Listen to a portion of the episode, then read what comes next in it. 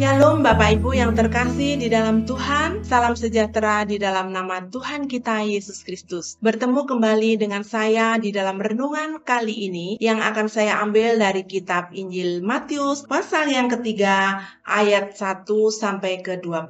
Seorang penulis buku yang bernama Philip Yanje pernah berkata, "Tidak seorang pun yang pernah bertemu dengan Tuhan Yesus dan tidak berubah. Tidak seorang pun yang pernah bertemu dengan Tuhan Yesus dan tidak mengalami perubahan. Artinya bahwa ketika seseorang berjumpa secara pribadi dengan Kristus, maka kehidupan orang tersebut pasti akan berubah. Demikian juga yang terjadi pada kehidupan penulis kitab Matius ini. Sebelum bertemu dengan Kristus, Matius adalah seorang pemungut cukai yang menagih cukainya lebih dari yang seharusnya. Namun, ketika dia telah berjumpa dengan Kristus, Matius mengalami perubahan secara radikal di dalam kehidupannya. Kini dia menjadi seorang yang berkomitmen untuk hidup terus setiap hari menghasilkan buah pertobatan. Kerap kali dia mengajak teman-temannya untuk mendengarkan bagaimana perjumpaannya dia dengan Kristus dan melihat buah pertobatannya